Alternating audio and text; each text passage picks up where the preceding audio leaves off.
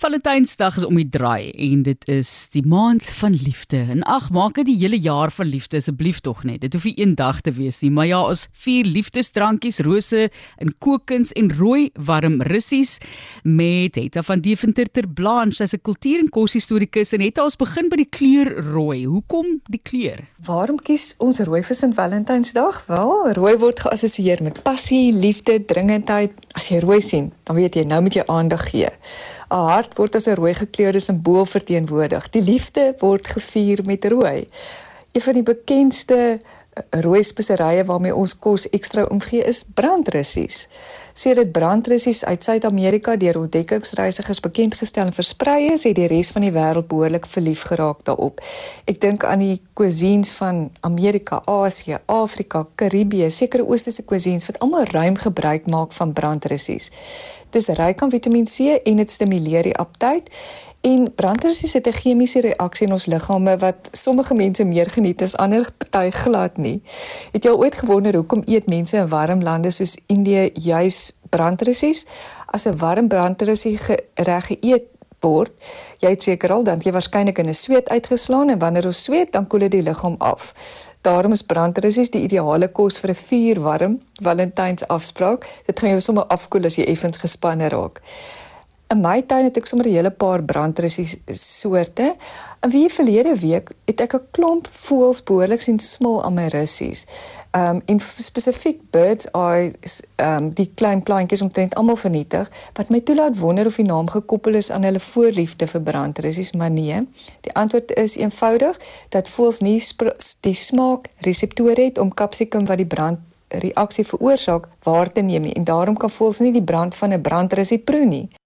Dit is ook die maand van geskenke. Het dan jy moet nou vir daardie dag vir jou geliefde iets koop en ek dink altyd aan die ouens wat nou moet gaan blomme koop en daai tipe van dinge nie. Prys van rose so, hoekom rose? Nog 'n belangrike spesery oor die eeue is die roos en dis ook 'n alomteenwoordige simbool van die liefde en Sint Valentynsdag. Waarom 'n roos spesifiek 'n simbool van die liefde is, is daar baie menings. So waarom ons dit ook spesifiek met Sint Valentynsdag assosieer, is daar baie teorieë. Die mense se fascinasie met rose is duisende jare oud. Die oudste botaniese afbeelding van die roos is 3500 jaar oud en dit staan bekend as die blou voël fresko op die eiland Kreta. Die roos is deur die antieke Grieke verbind met die rites waarmee die liefde, die dood en die drank gevier is. Rose was oral in die tuin van die mitologiese Griekse godin Afrodite, godin van die liefde en seksualiteit. En die Griekse god van wyn Dionysus word ook mos gewoonlik met 'n kroon van rose uitgebeeld. Die Grieke het graag rooswyn gedrink of roosgegeurde wyn en het selfs roosolie as 'n parfuum vir mans verkies. Daar's ook baie opinies oor waarom St. Valentynsdag gekies is om die dag van liefde te vier en die beskermer van verliefdes geword het. Maar volgens die gerespekteerde werk van Jennifer Potter oor die roos waarvoor sy 'n enorme hoeveelheid navorsing gedoen het, was dit die 14de eeuse digter Geoffrey Chaucer wat die feesdag van die heilige St. Valentynsdag gekies het. My nuuskierigheid en belangstelling lê eintlik in hoe is rose in die kombuis ingespan as 'n spesery deur die geskiedenis. Wel teen die 9de en 10de eeu was rooswater 'n belangrike bestanddeel, eers in Persiese kokens en daarna Arabiese kokens. In die vertaling van 'n Baghdad Cookery Book is rooswater as 'n reël eerder as die uitsondering oor geregte gesprinkel, net voordat aan tafel bedien is. So rooswater was in die 13de eeu se Arabiese kookboek afgewissel, ook met ander welriekende bestanddele soos byvoorbeeld kaneel of kruisement, wat vir my sê dat die aroma eintlik so die aroma nie net van die rooswater nie, maar van speserye baie belangriker was en selfs belangriker soms as smaak. Roossap is ook verwerk tot roosstroop en ander resepte, nog 'n ouderwetse metode wat ons selfs nog vandag gebruik is om roosblare en toeknoppies te versuiker korrelsuiker daarmee te geur of botter te geur met roosblare en dan saam met vars roosblare op 'n toebroodjie te bedien. In vroeë Suid-Afrikaanse resepte in ons eie arsenaal van uh geskiedkundige resepte word roosbottels en roosblare verwerk tot konfyt of konserf en rooswater gebruik in byvoorbeeld appelpoffertjies, koektert, puddings, wafels en blankmange.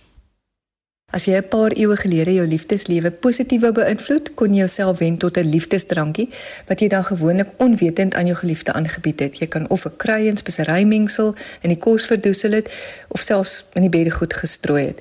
Die lys van bestanddele ingeslote krui en speserye wat hiervoor gebruik is, is byna eindeloos. Wel riekende speserye soos gember en kaneel is beskou as 'n stimulant natuurlik vir die wonderlike aroma. Dierespeserye soos 'n vraan vir die koste daaraan verbonde. Ek dink ook aan iets soos lovage in Engels, wilde sellery of ons praat sommer losweg van sopseldery. Dit was nie verniet lovage genoem nie, want dit was baie gewild in hierdie liefdesdrankies. Als of Artemisia was 'n baie gewilde bestanddeel in liefdeskonkoksies. Dit het ook bekend gestaan as die lovers plant, die plant van die minnaar. Die Grieke en die Romeine het die blare in drankies gebruik of in beddegoed gestrooi of in 'n later, meer romantiese tydperk het die minnaar 'n takkie als in die boekei vir sy geliefde gesit en gehoop om haar so te verlei. Lees 'n mens deur die ou krye doktersboeke, dan is sommige van hierdie liefdesdrankies se bestanddele en bygelowe regtig lagwekkend. Maar op 'n meer ernstige noot, wanneer 'n mens probeer om 'n studie van die literatuur oor hierdie onderwerp te maak, dan is daar 'n enorme hoeveelheid beskikbaar. Maar ek dink 'n mens kom tot die gevolgtrekking dat byna enige kos as 'n stimulant kon dien. In die geval dink ek is jou vooropgestelde idees en opinie dalk selfs ek dink dit is die sterkste effek van die voedsel self. As jy byvoorbeeld glo in die krag van oesters en 'n martini, gaan dit waarskynlik vir jou werk. So as mense raad wil hê, so my raad aan verliefdes hierdie Valentynsdag wees wat op soek is na 'n spesiale bestanddeel in hulle spesery rak om hulle geliefde mee te beïndruk. Hou in gedagte dat ons eers met ons oë eet.